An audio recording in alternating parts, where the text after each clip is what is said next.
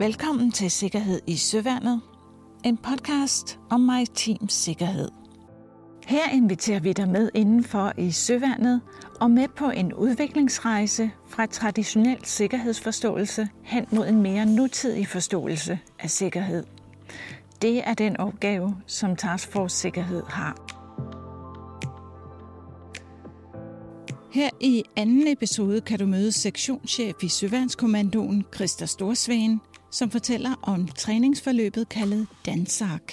Og så kan du møde en af dem, hvis skib og besætning faktisk har været igennem Dansak-træningen. Han hedder Niels Pind, er kommandørkaptajn i Søværnet, og han fortæller, hvad de fik ud af at være igennem forløbet. Interviewer er Annette Halstrøm. Jeg hedder Christa Storsveen. Jeg er sektionschef i Søværnskommandoen for den, der hedder N7T, som står for Sea Training. Og jeg har været en del af den øh, udvikling med øh, implementering af blandt andet Dansax, som vi skal tale om i dag. Og har i den sammenhæng øh, været udstationeret ved, ved Forst, som øh, er en af de vigtigste baggrunde, jeg har for at sidde i den stilling, jeg har i dag. Faktaboksen. N7T er Søvandskommandoens træningsafdeling, som planlægger og gennemfører den træning, som er nødvendig for, at skibene og deres besætning kan opnå et tilfredsstillende resultat.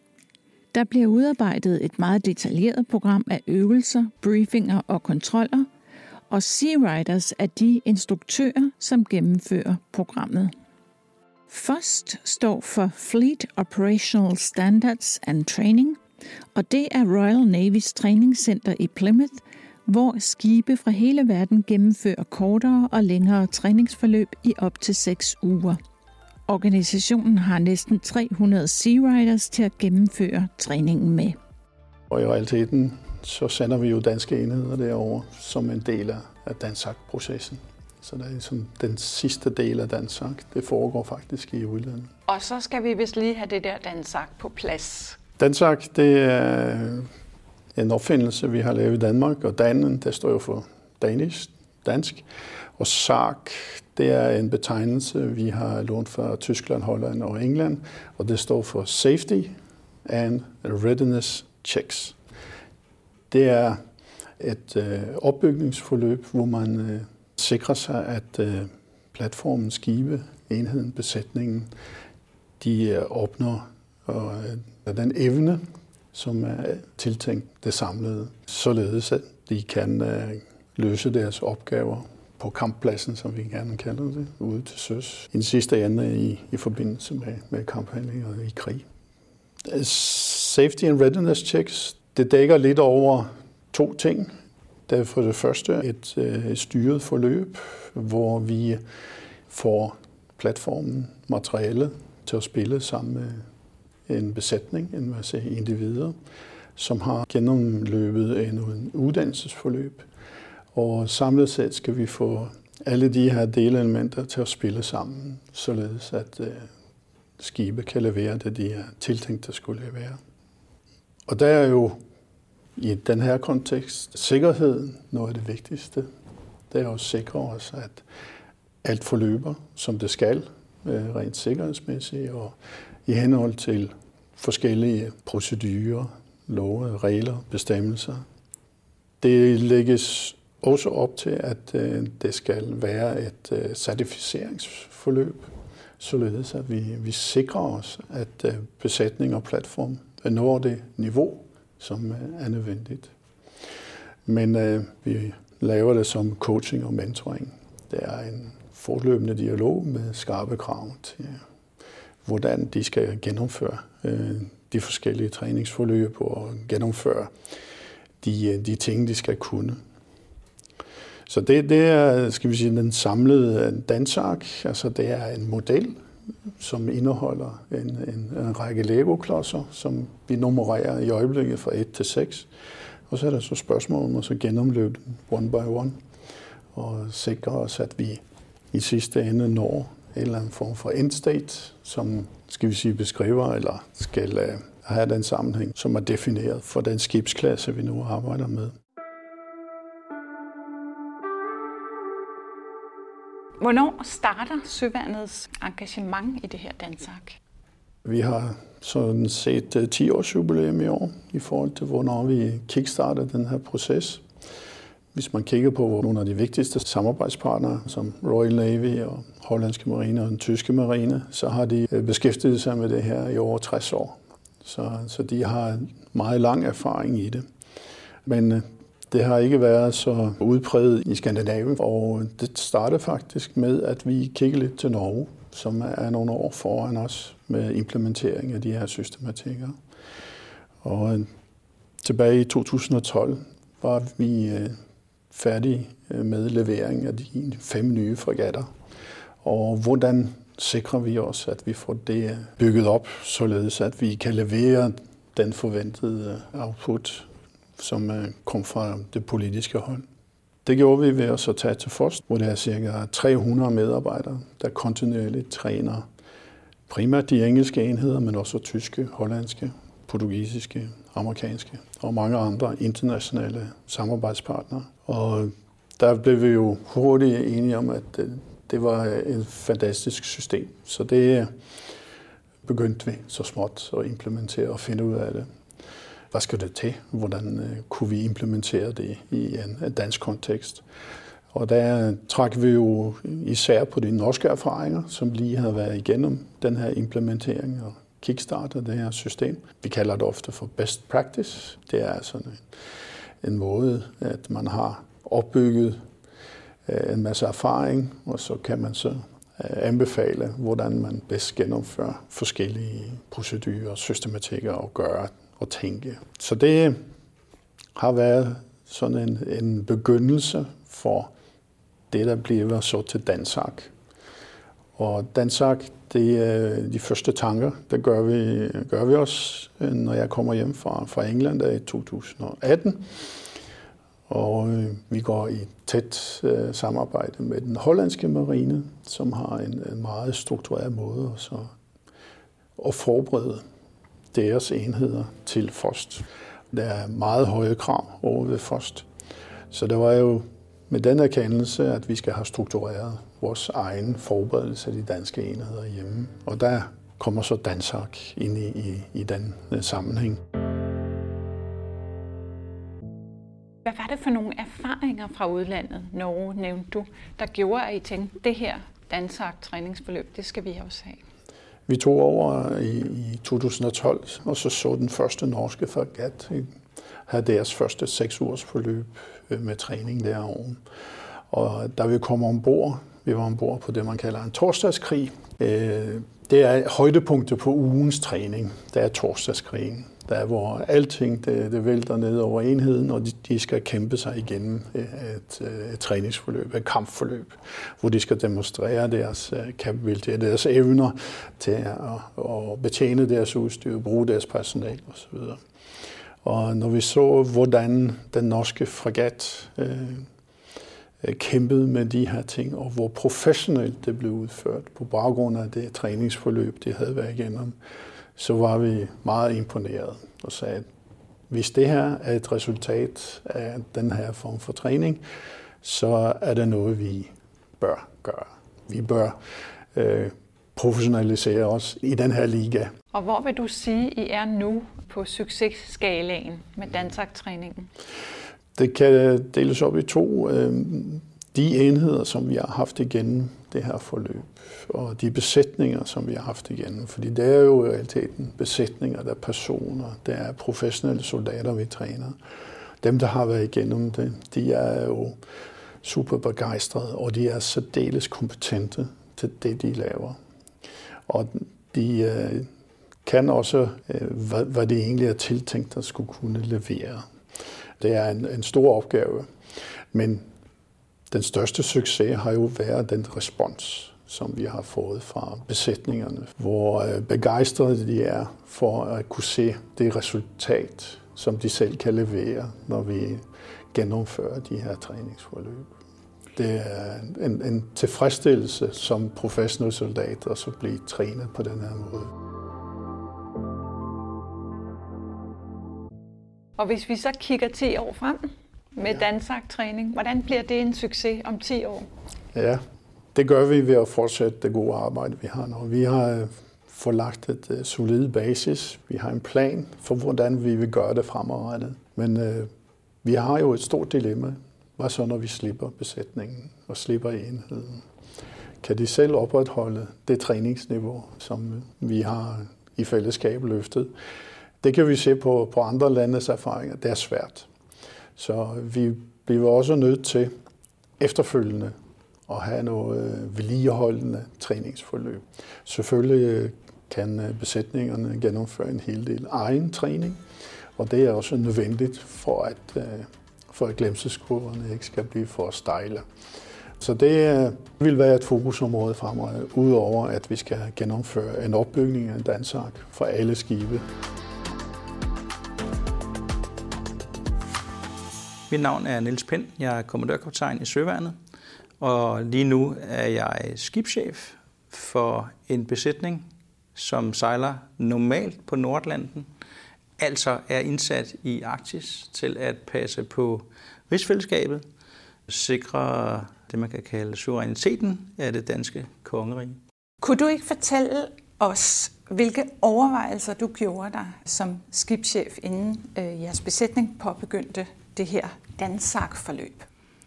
Det er jo på nogle områder meget nyt for nogen at skulle i gang med det her. Og mange har set det som sådan en stor, farlig tiger, der dukkede op ude i skoven. Og, og nok primært fordi, at vi i starten ikke rigtig kendte til, hvad det egentlig var, det gik ud på. Det viste sig under forløbet, at vores frygt blev gjort til skamme, og efterhånden, som, som det ligesom kom ind, så var det ligesom, så opløste sig lidt. Så, så det, min største bekymring var indledningsvis egentlig, øh, hvordan at vi skulle få kan man sige, hele besætningen med på den her nye modus, den nye måde at gøre tingene på. Det er jo noget, vi har gjort altid, og mange har jo beskæftiget sig med det her område i 30 år eller mere. Og, og lige pludselig at, øh, at skulle gøre tingene på en ny måde, kunne måske godt for nogen være, være lidt svært. Og, og det, det tror jeg også, det har været. Men jeg tror også, det har været en sund proces, og der er blevet vendt nogle ting undervejs. Der, der er jo sådan en generel tendens til, at vi altid er lidt, øh, er lidt bekymret for det uvise. Det er sådan, det er sådan en menneskelig ting, og, der, og det tror jeg, der, der er i mange situationer. Jeg tror nu også, øh, at det kan være sundt nogle gange, at det er sundt nogle gange, at blive rykket ud af sin, af sin comfort zone og se tingene på en lidt anden måde specielt noget, man har beskæftiget sig med i rigtig mange år. Få nogle andres blik på, at det vi nu gør, det rigtige. Selvom vi synes, vi er gode, og selvom vi, vi synes, vi, øh, vi er professionelle, alle de her ting, så kunne det jo være, øh, at der var nogle måder at gøre tingene på, der både var smartere, sikrere og, og måske bedre i den sammenhæng, som vi opererer i. Kunne du ikke prøve at beskrive det her danserforløb, I var igennem? Jo. Vi har vidst længe, at vi skulle igennem det her. Det er en proces, som blev startet op i Søværnet for nogle år siden, for at sikre et højere professionelt niveau. At genløfte øh, Søværnet efter en, en periode med lav intensitet til, til et højere professionelt niveau. Og i den forbindelse har man så kigget rundt i verden og fundet det her Dansak-forløb. Selve det strukturerede forløb har været cirka et halvt års tid, hvor vi har været under kyndige vinger af Søværnets N7T, som har forestået vores træning øh, og vores støtte op til det her, bistået af vores egen træning og, og selvstudium i, i perioderne imellem. Så det er en proces, der startede med, at man for et halvt år siden introducerede ledelsen sammen med nogle nøglepersoner til måden at gøre det her på. Hvor vi blev tæsket igennem, hvordan man skulle kommunikere, øh, hvordan man skulle øh, føre de forskellige øh, logs, der skal køre, og hvordan man kan lede op til, til en command decision i sidste ende på et oplyst grundlag. Det er sådan set den, den overordnede øvelse.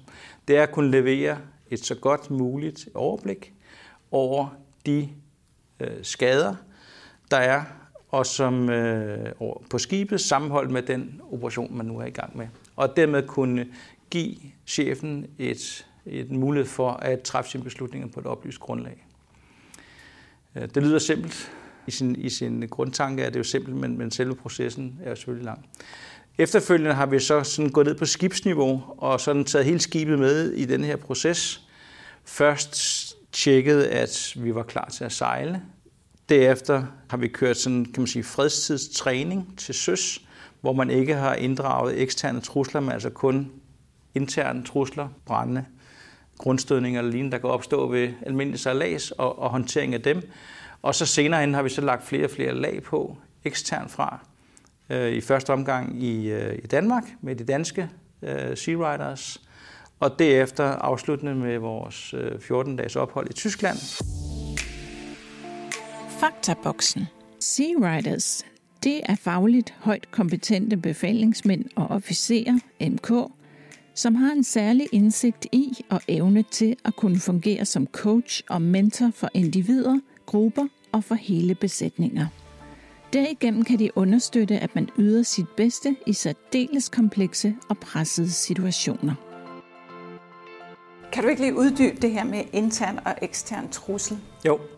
Øh, når vi snakker om en intern trussel og en bekæmpelse af den interne trussel med intern kamp, så er det ting, der foregår inde i skibet. Og der ser vi altså bortset fra det, vi kalder eksterne trusler og en ekstern kamp. Der er altså ikke nogen trussel mod skibet. Vi er i dyb fred, og vi sejler i princippet og laver vores daglige opgaver og, og bliver så ramt af et eller andet. Det kan være en brand øh, i skibet, det kan være en grundstødning, hvor vi rammer, eller hvor vi rammer en iskosse, eller vi rammer et eller andet, der ligger malflyder i vandet, og som så skal bekæmpes ud fra de her principper.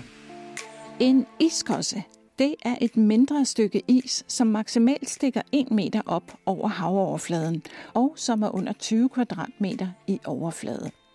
Den kan være delvis gennemsigtig og dermed svær at se, og samtidig kan den være svær at identificere i de høje bølger.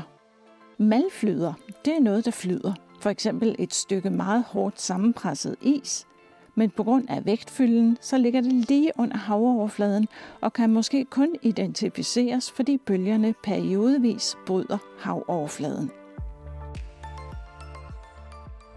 Så, så det er den interne kamp, den interne trussel. Når vi så lægger det, det næste lag på, så begynder vi at kigge også op i det lidt højere konfliktspektrum, altså en situation, hvor der er en trussel imod os. Truslen den kan være alt lige fra det, vi kalder en langsom flyvemaskine, det kan være en gummibåd, øh, eller det kan være mere sådan kompetente trusler, ligeværdige øh, modstandere, og mere sådan krigsmæssige scenarier, som er den eksterne kamp. Men den eksterne kamp, der, der inddrager man altså eksterne aktører, eksterne spillere, eksterne modstandere, som man skal også skal håndtere, samtidig med, at man fastholder og kunne bekæmpe den interne trussel. Og, og, og det er jo der, hvor, hvor opgaven bliver rigtig interessant, fordi der kan du komme ud for at skulle lave nogle hårdere prioriteringer, og du har måske ikke den tid altid til at gøre det på samme måde. Og det er selvfølgelig også derfor, at niveauet stiger, og kompleksiteten stiger i hele operationen. I var så i Tyskland og blive trænet i det her Dansak-forløb. Kan du ikke forklare, hvad den store forskel var før og efter forløbet?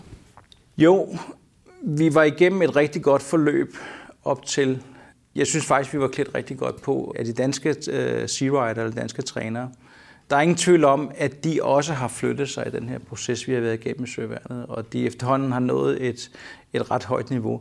Så jeg synes, vi var rigtig godt klædt på. Men i og med, at man kommer til Tyskland, så bliver man for det første selvfølgelig stillet over for nogle udfordringer i form af de, sådan, de sprogmæssige barriere, men også en ny måde at se tingene på, øh, nemlig den tyske flådes måde, dog selvfølgelig tilpasset Danmark og øh, vores øh, procedure, fordi det er jo stadig vores egen procedure, vi skal træne efter, men bilagt med de erfaringer, som, som tyskerne har, og som tyskerne har øh, brugt i der, bruger deres egen flåde, og de øvrige enheder, de træner på deres havariskole dernede. Det vil sige, at de kan lave det mere komplekst.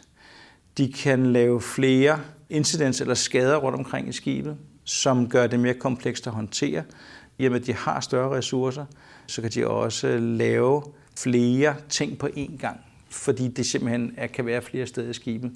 Der er selvfølgelig forskel på, hvor meget ravage 10 mand kan lave, og hvor meget ravage 40 mand kan lave i og med, at de selvfølgelig også skal holde øje med, hvordan vi reagerer på de ting, vi bliver stillet overfor. Og så har de en meget struktureret tilbagemeldingsproces. De gennemgår samtlige af de scenarier, vi har været udsat for, og kommer med en vurdering meget kort. Tre øh, gode ting og tre træningsprioriteter. Og det får vi simpelthen på alle områder. Og på den måde har vi så en mulighed for at gøre det bedre til dagen efter, men samtidig får vi også at vide, hvad der har været godt og hvad vi skal fastholde. Det er en evalueringsproces, certificeringsproces, men det er lige så meget også et træningsforløb. Det er selvfølgelig en øh, vanskelig øh, balancegang, men det synes jeg faktisk, både de danske og de, og de tyske øh, trænere har formået at, øh, at opretholde. Det har, været, det har været en utrolig positiv oplevelse at se den måde, det er blevet gjort på. Og det er også blevet taget godt imod af min besætning og, og ledelsen. Udover det, hvad har så ellers overrasket dig mest positivt ved den her oplevelse? Jeg tror nok, at det, som i virkeligheden har været noget af det bedste, det har været at få gennemgået alle vores procedurer, at se på, om det vi gør er godt nok, at få en øget grad af forståelse for, hvad sikkerhed egentlig er, og få lagt nogle nye procedurer ind, som sikrer, at nogle af de ting, vi altid har gjort, kommer bedre til sin ret i den her sikkerhedstankegang. Det her Dansak er rigtig, rigtig meget brug af checklister, brug af standing operating procedures, altså standarder for, hvordan man gør tingene, således at man i princippet bare kan tage en checkliste og gennemføre en anden deloperation ud for det. Den har jeg måske tidligere været lidt bekymret for, at man bare kunne gøre ting efter en checkliste, men jeg må også bare indrømme, at der hvor vi er i dag med så meget personeludskiftning, som vi har, der giver det rigtig god mening, at vi har standardiseret en rigtig masse ting, som specielt har en sikkerhedsmæssig konsekvens. Og det kan være alt, lige fra at sikre sig, at du har de rigtige bøger med, til at sikre sig, at du har gjort de ting, du skal gøre, inden du kaster dit anker, eller inden du afgår fra havnen. Således at man sikrer sig, at, at skibet det er klar til at gå til søs, og hvis der opstår en skade, at den skade så øh, får som en minimum af konsekvenser som, som muligt. Og, og det er helt klart en af de ting, som, som Dansak har gjort, og som også vil gøre fremadrettet. Det er denne her sikkerhedsforståelse.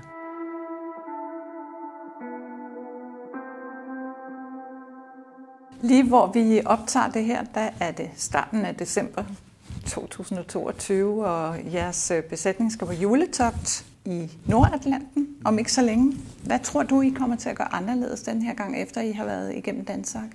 For det første, så skal vi jo videreføre de nye ting, vi har lært. Men også i en kontekst, hvor vi ligesom bringer vores dagligdag ind i det. Og det bliver den helt store udfordring til at starte med. Vi skal, vi skal finde ind der, hvor at vores dagligdag skal kunne fungere. Forstået på den måde, at vi har nogle opgaver, vi skal løse i dagligdagen, som vi ikke har løst under Dansak-forløbet. Og samtidig så skal vi jo videreføre de her rigtig gode ting, som vi har lært, og, og få dem øh, inkorporeret i vores dagligdag. Og så skal vi fastholde, eller vi skal prøve at mindske det kompetencetab, som vil komme efter det her. For det har været et meget intensivt træningsforløb, vi har været igennem, hvor vi er blevet babysittet. Det er klart, det kan vi ikke i dagligdagen, fordi der er nogle opgaver, der skal løses. Så, så udfordringen bliver at øh, prøve at fastholde og, og i hvert fald undgå at tabe så meget af vores kompetencer øh, fremadrettet. Så det bliver også en udfordring i at kunne træne de ting her under vores daglige opgave i Nordlanden. Men det bliver også spændende at komme tilbage til og, øh, og se, hvordan vi kan få inkorporeret Hvordan har I tænkt jer at evaluere på det? Jeg håber jo også, at vi fremadrettet kan deltage i øvelser og lignende øh, og dermed også kunne evaluere på de her ting. Og ellers så har vi jo løbende evalueringer, øh, når vi holder øvelser ombord, og det vil vi jo stadigvæk gøre.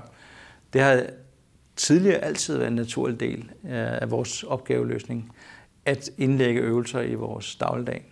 Og, og det har også været en naturlig ting at evaluere på dem efter hver øvelse, så det vil vi blive ved med at gøre. Men jeg tror måske i højere grad, vi vil inddrage nogle af de metodikker, som også vi nu har set i Dansak-forløbet i vores evaluering.